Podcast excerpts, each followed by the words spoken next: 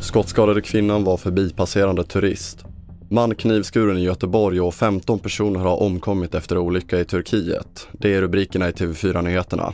Vi börjar med att den 39-åriga kvinna som skottskadades i skjutningen i Gallerian Emporia i Malmö ska enligt polisen bara ha varit en förbipasserande. Målet för skottlossningen ska ha varit en man som sköts till döds av den nu anhållne tonårspojken.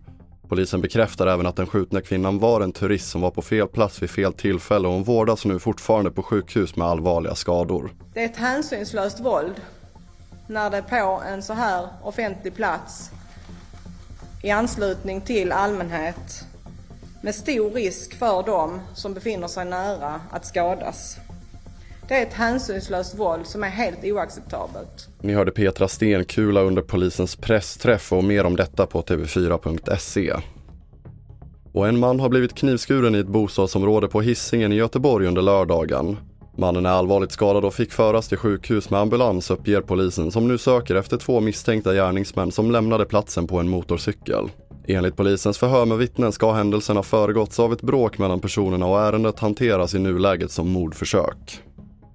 Och 15 personer har omkommit och 22 har skadats i en trafikolycka i Turkiet. Olyckan ska ha inträffat mellan två städer i den sydöstra delen av landet. Enligt den turkiska nyhetsbyrån DHA ska en ambulans, en brandbil och en buss som transporterade journalister ha varit inblandade i olyckan och tre brandmän, två räddningsarbetare och två journalister ska vara bland de döda enligt den lokala guvernören. Och nu larmar flera av landets däckverkstäder att det riskerar att bli en akut brist på vinterdäck. Anledningen är sanktionerna mot Ryssland där den största delen av tillverkningen finns. Och situationen kan också komma att påverka trafiksäkerheten.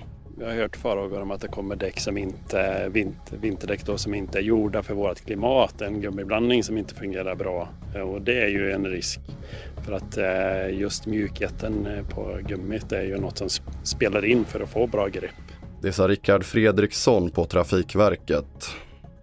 Och fler nyheter hittar du på tv4.se. Jag heter André Meternan Persson.